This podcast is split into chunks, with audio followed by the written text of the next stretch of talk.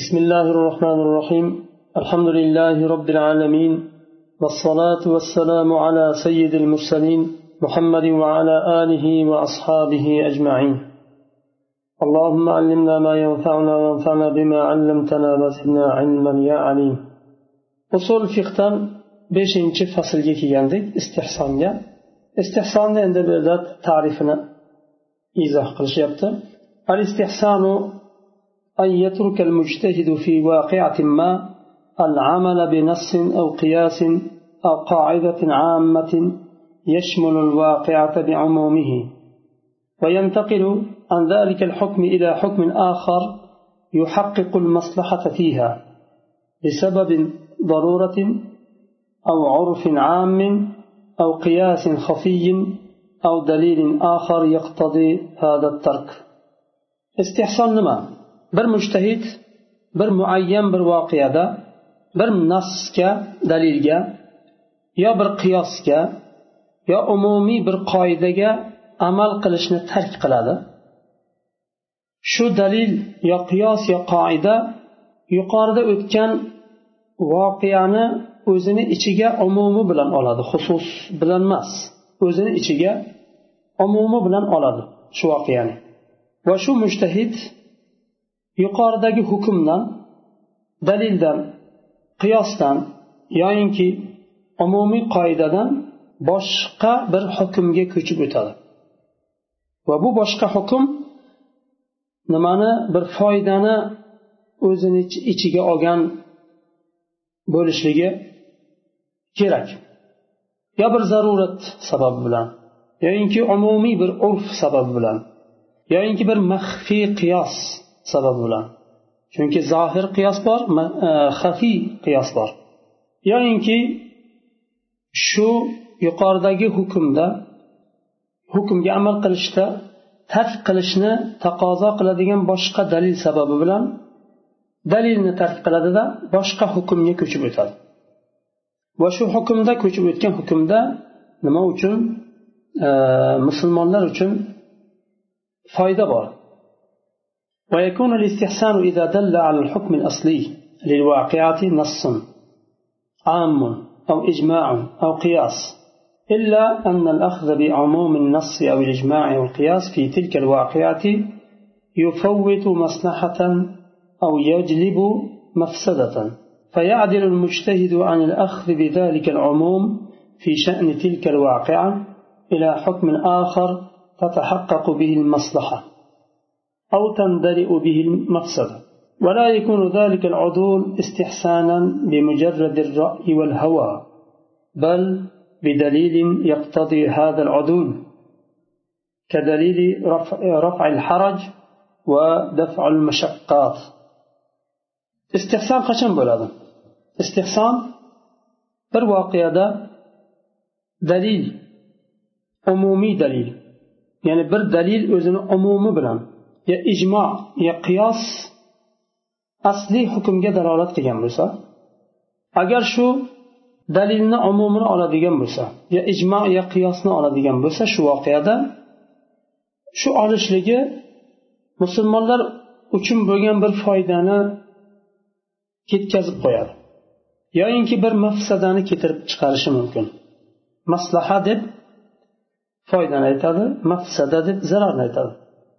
Mushtahid shu dalilni umumini olishdan boshqa nimaga ko'chib o'tadi? Maslahani tahqiq qiladigan yuzaga chiqaradigan boshqa hukmga ko'chib o'tadi. Va yoyinki bir mafsadani ketkazadigan hukmga ko'chib o'tadi.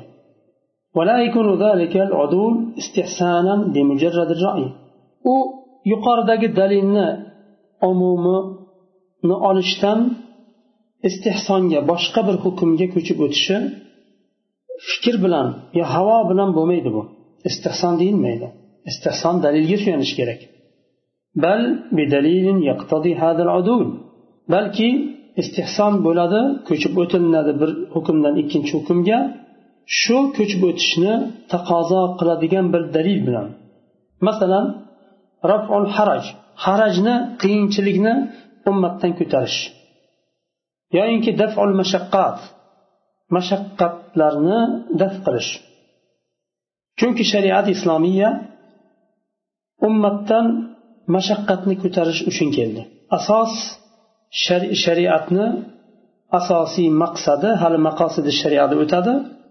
Shariatni umumiy asosiy maqsadi xalqdan mashaqqatni ko'tarish harajni ko'tarish. Shuning uchun inson majbur bo'lganda hatto o'lim tana harom e, qilingan hayvonni go'shtini ham yeyishi mumkin hayotini saqlab qolish uchun. Aslida u harom lekin shariatni maqsadi u insonni azobga solish emas majbur bo'lganda muharram bo'lgan ba'zi narsalarga izn beriladi shariatda. Majbur degani ya'ni bu odamlarni aqlidagi majbur bo'lishlik emas. Masalan riboni bugungi kunda majbur bo'ldik bo'lyapmiz olyapmiz ribo qilyapmiz deyishi mumkin. Yo boshqa bir narsalarni dalil qilishi mumkin. Majbur deganda qachonki shariat tan olgan shariat izn bergan o'rindagina bu nima qo'llaniladi? وقد عهد من الشارع أنه يستثني من الأحكام العامة ببعض الأحوال ترخيصا وتيسيرا. شريعة شريعة بلندك بعض الأمومي حكم لرنا أمومي نمسدا آه، استثناء قلند بعض الحلر ورخصة برلد ينجلك برلد كما استثنى حالة الضرورة من تحريم الميتة والدم. ضرورة حالة o'lim tani va qonni izn berganidek istisno qilganidek istisno qilgani ya'ni haromdan istisno qildi aslida harom o'lim tani go'shtini yeyishlik lekin zarurat vaqtida istisno bo'ladi واستثنى حالة السفر والمرض من إيجاب الصوم kasallik bilan safarni ro'zani vojib bo'lishidan mustasno qildi واستثنى حالة الإكراه من تحريم النطق بكلمة الكفر. إكراه وحده إكراه دب مجبور لشنيتا مجبور لجندا كفر كلمة سنة نطق لشنا حرام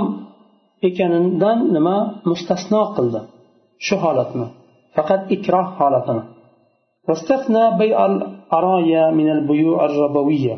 واستثنى حالة النسيان لمن أكل أو شرب في رمضان. فلم يوجب عليه القضاء دفعا للحرج أرايا u bir savdoni aqd savdoni bir turi shuni shariat nima qildi raboviy tijoratlarni raboviy muomala tijorat demaymiz ribo ribo tijorat emas raboviy e, muomalatlarni orasidan bu aqdni alloh taolo istisno qildi zarurat bo'lgani uchun va ramazon oyida unutib yeb ichgan kishini mustasno qildi ro'zasi buzilmaydi qazo u kishiga vojib bo'lmaydi bu nima uchun harajni og'irlikni qiyinchilikni ummatdan ko'tarish uchun فكذلك المجتهد قد يعدل عن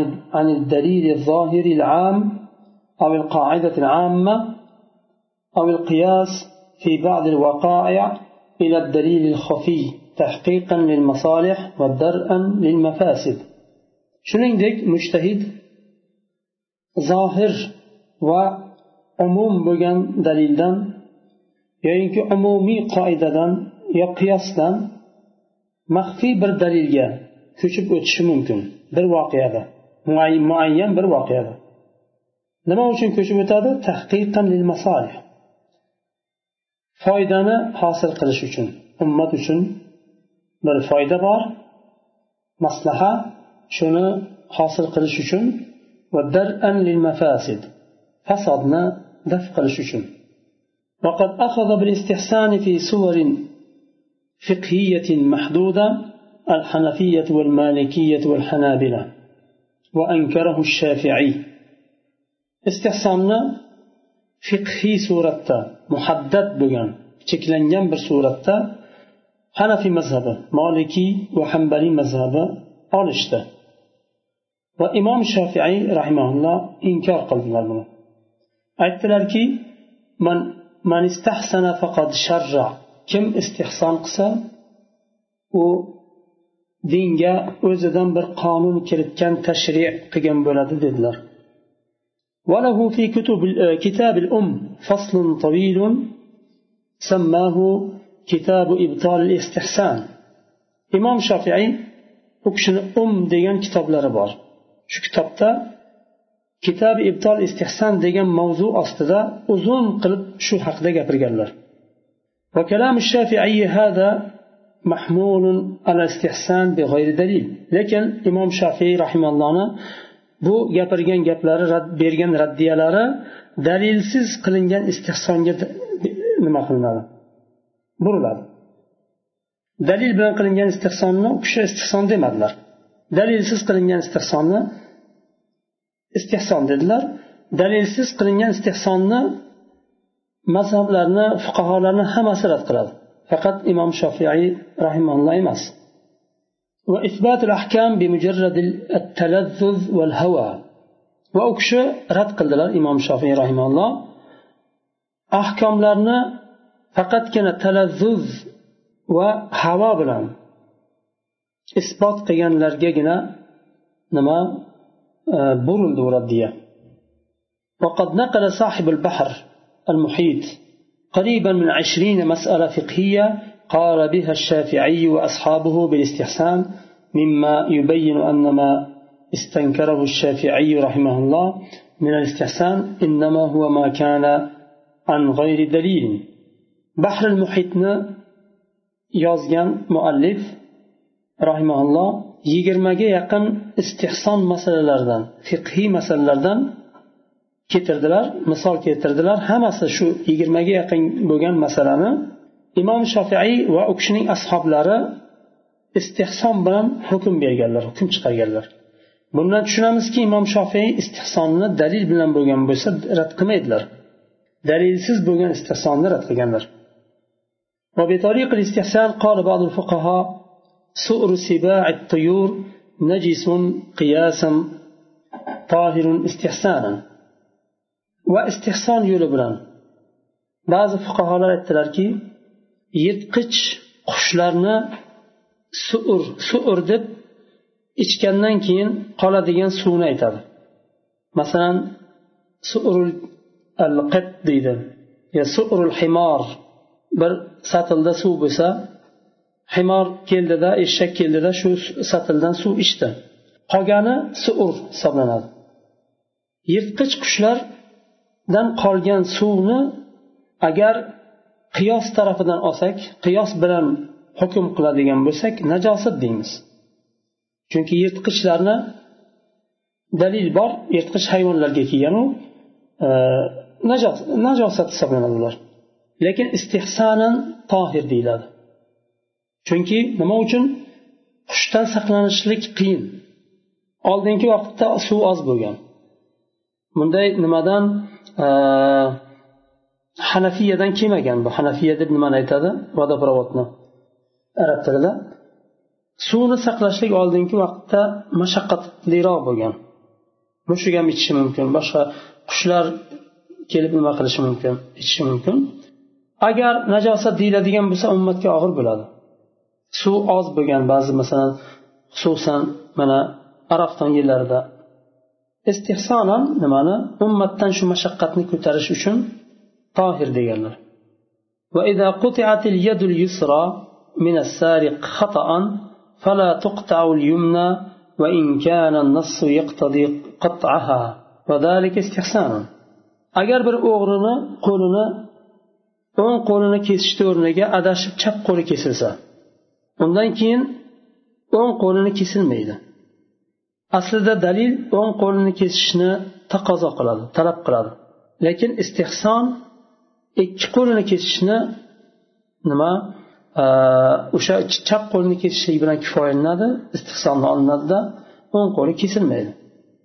وعندي أنه ما دام الاستحسان الذي يميل الأصوليون إلى الأخذ بجوازه هو, هو ما استند إلى الدليل المعارض للعموم فلا ينبغي عبد الاستحسان دليلا أصلا مؤلف رحمه الله يتلأ meni nazarimda usuliylar moyil bo'lgan uni olishga joiz deb olishga moyil bo'lgan istehson modomiki dalilga suyanarkan umumga muxolif bo'lgan dalilga suyanarkan istehsonni o'zini dalil deyilmaydi. Istehson suyangan dalilni dalil deyiladi lekin istehsonni o'zi dalil emas.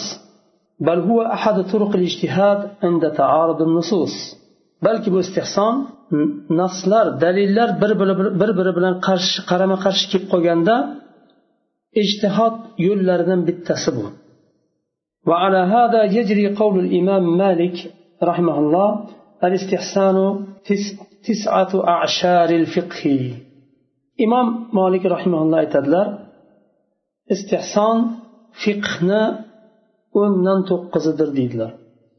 فإن فيه دقة نظر بالغة من المجتهدين في في حال أيلولة العمومات والقواعد العامة إلى الفساد وإهدار المصلحة في بعض الصور عند التطبيق العملي ف فيجنحون في تلك الصور إلى العمل بأدلة أخرى معتبرة bu istehsonda mushtahid tarafdan mushtahidlar tarafdan o'ta chuqur bir nima nazar kerak bo'ladi. Daqiq bir nazar kerak bo'ladi. Qanday holda? Shu umum dalilni umumi yoyinki umumiy qoidalar agar fasodga olib boradigan bo'lsa bu degani hamma vaqt emas. Va zamon bilan makon bilan farqli bo'lishi mumkin. Bir qavmga to'g'ri kelsa ikkinchi qavmga to'g'ri kelmasligi mumkin. Bir qavm masalan orasida olimlar ko'p dindorlari ko'p doim da'vat darslar bor. Ularni holati boshqa. Boshqa bir qavm johil hech narsani tushunmaydi. Ularni holati boshqa. Xato ko'p masalan xatolarga yo'l qo'yishi mumkin. Bu holatlarda yoinki e, dalilni tushunmasligi mumkin qabul qilolmasligi mumkin. Ba'zi narsalardan tanozul ko'z yumishga to'g'ri kelishi mumkin. Masalan e, shariatga dalilga nimaga suyangan holda. Agar shu umum nimaga bir fasodga etadigan bo'lsa va maslahani ibtol bo'lib ketishiga sabab bo'ladigan bo'lsa o'sha umumni nimasiga o'sha dalilni umumiga amal qilgan vaqtda foyda ketib qolsa maslaha va fasodga olib boradigan bo'lsa nima? Istehsonni olinadi va mo'tabar bo'lgan boshqa dalillar bilan istehsonni olinadi. Mo'tabar bo'lmagan dalillar bilan emas aql bilan emas. Yoyinki umuman u voqeaga to'g'ri kelmaydigan dalillar bilan emas. Istehson bu hammani ishi emas. ommani ishi emas. Mushtahid olimlarni ishi u ishtihod ishtihod darajasiga yetadigan bir yetarlik ilmga ega bo'lgan olimlarni ishi u anva endi istehsonni turlari. Annavul avval istihson sanaduhu nas birinchi nav sanadi dalil bo'lgan istihson. لو قال قائل ما لي صدقة في سبيل الله buni misoli agar bir kishi desa meni molim ollohni yo'lida sadaqa desa فعموم أدلة وجوب الوفاء بالنذر يقتضي أن تكون كل أمواله داخلة في ذلك nazrga vafo qilishni vojib qiladigan dalillarni umumi o'zini ishiga oladi Shu aytgan kishini molini hammasi kirib ketishini o'zini ichiga oladi. Molim ollohni yo'lida sadaqa deganda hamma moli kirib ketishi kerak. E, nazrga vafo qilishga dalolat qilgan dalillarga qaralsa molini hammasi kirib ketishi kerak. Bunday holda molini hammasini sadaqa qilish vojib bo'lib qoladi. Nazrga o'xshadi bu. Endi vafo qilish kerak aytgandan keyin واستحسن أبو حنيفة أن يخصص ذلك بالأموال الزكوية فقط. لقوله تعالى خذ من أموالهم صدقة تطهرهم بها وتزكيهم والصدقة الواجبة لا تؤخذ إلا من أموال الزكوية. إمام أبو حنيفة رحمه الله aytadilar u kishi istihsonda juda ham usta bo'lganlar chunki ishtihodda juda kuchli bo'lgan imom abu hanifa rahimalloh u kishi aytadilar agar shunday degan bo'lsa zakot moligagina xos bo'ladi boshqa moli kirmaydi. Zakot moli nima?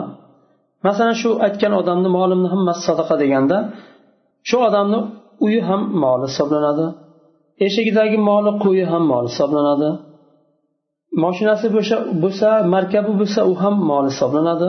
Hamma narsasi mol hisoblanadi. Hammasi kirib ketishi kerak aslida. Bir o'zi shu bola chaqasi bilan ko'chada qolishi kerak aslida.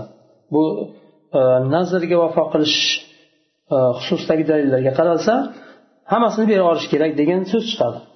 Lekin imom abu hanifa rahimulloh aytdilar zakaviy mollardangina olinadi. Zakaviy mollargina kiradi bunga. Zakaviy mollar inson uyidan zakot bermaydi. Markabidan arabasidan zakot bermaydi. Va bir yeri nimasi bo'lsa qo'llanib foydalanib turgan bo'lsa eshigida sigiri bo'lsa boshqa qo'y moli bo'lsa foydalanib turgan bo'lsa ulardan zakot chiqarmaydi. Zakotni chiqaradi tijoratda aylanib turgan pulidan chiqaradi. Yoyinki bir yerda saqlab qo'yilgan mablag' bo'lsa yo oltin bo'lsa undan chiqaradi. Tijorat uchun ishlaydigan va e, saqlab qo'yilgan mablag'dan zakot chiqaradi. Demak o'shalargina kiradi xolos. Imom abu hanifa rahimaullohni dalillari nima? U kishi oyatni keltirdilar. Alloh taolo rasululloh alayhi vasallamga buyurdi ularni mollaridan sadaqa oling. Zakot ya'ni sadaqa bu yerda zakot nazarda tutilyapti. Ularni mollaridan zakot oling deb alloh taolo buyurdi. Amval mollaridan deyildi. Lekin rasululloh sollallohu alayhi vasallam faqatgina hojati asliyadan tashqari bo'lgan tijoratda aylanib turgan va uyida saqlab qo'yilgan oltin kumushlar bo'lsa shulardangina zakot oldilar. Amval deganda zakaviy mollargina kirdi bu yerda oyatda kuchli dalil bu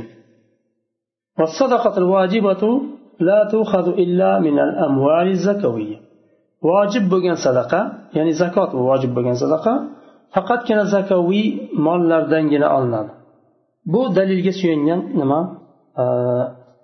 استفسار مثال آخر قوله تعالى حرمت عليكم الميتة والدم ولحم الخنزير ثم قال فمن اضطر غير في مخمصة غير متجانف لإثم فإن الله غفور رحيم الله تعالى oyatni boshida harom qildi maytani o'limtani qonni va xinzirni go'shtini harom qildi undan keyin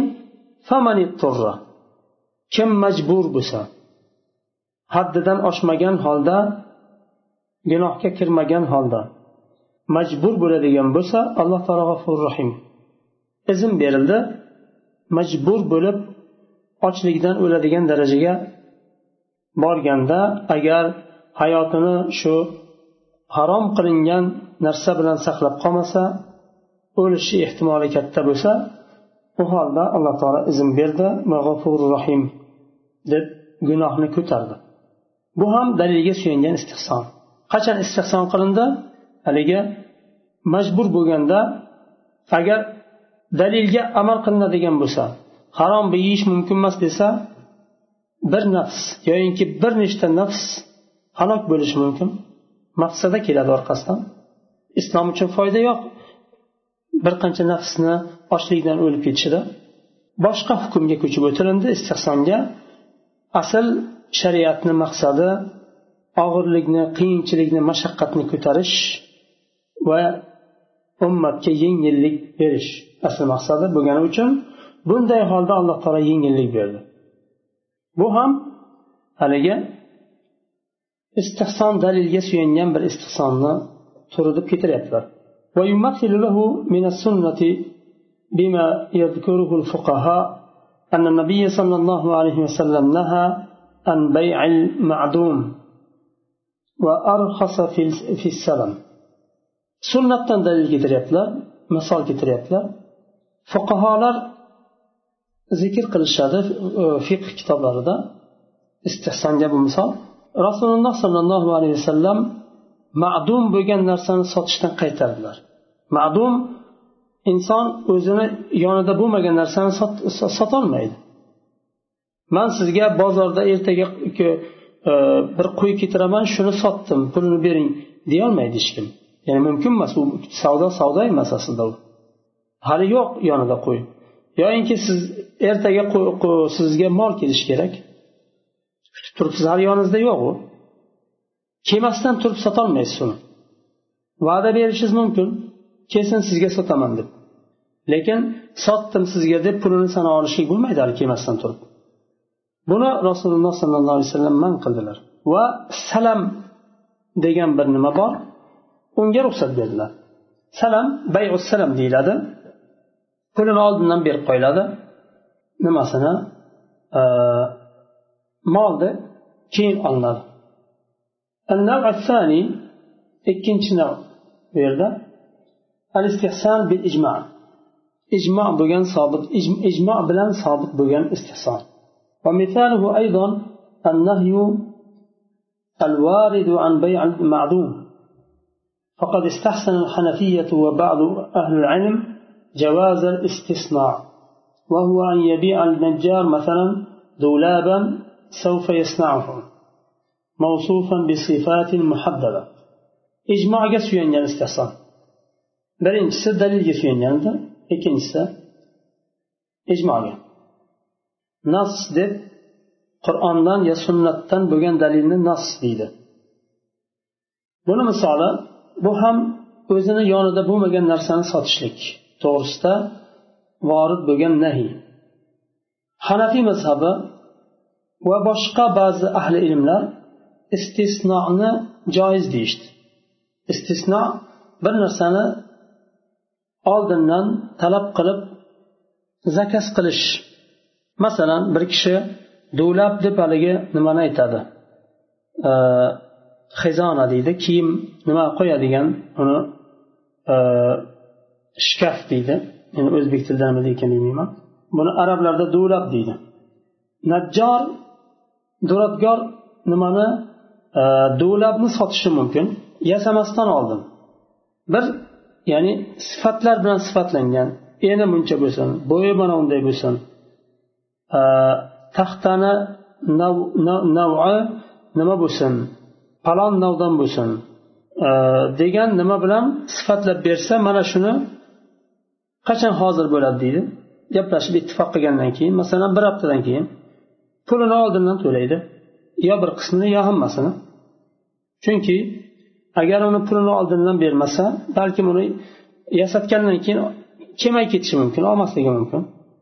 U dovlab keyin boshqaga kerak bo'lmasligi mumkin. yo katta deydi yo kichik deydi yo bu turda man yasatmasdan boshqacha qilardim deydi olmaydi odamlar bu holda duradgor zarar ko'radi shuning uchun pulini oldindan oladi buni istisno deydi واستندوا في ذلك إلى جريان التعامل بذلك في الأمة الإسلامية من غير نكير nimaga suyanishdi fuqarolar umma islomiyada azaldan bu odat bo'lib kelgan Va hech kim buni inkor qilmagan. Islomdan avval ham bo'lgan va sahobalarda ham bu davom etgan. Buni rasululloh sollallohu alayhi vasallam inkor qilmaganlar. Chunki bu narsada odamlarni hojati bor. Odamlarga yengillik hayotida hayotiy nimalarda muomalalarda yengillik yaratib berishlik. Agar bu narsa man qilinadigan bo'lsa odamlarga og'ir bo'ladi. Duradgorlarga ham og'ir bo'lishi mumkin.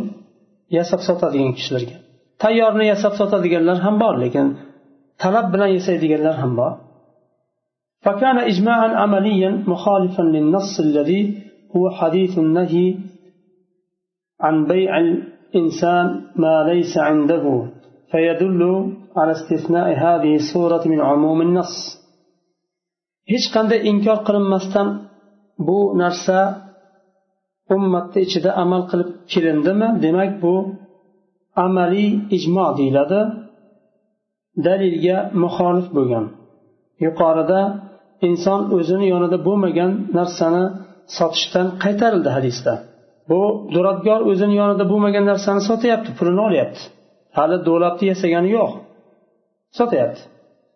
Lekin bu narsaga izn berildi mustasno bir shakl bo'ldi bu.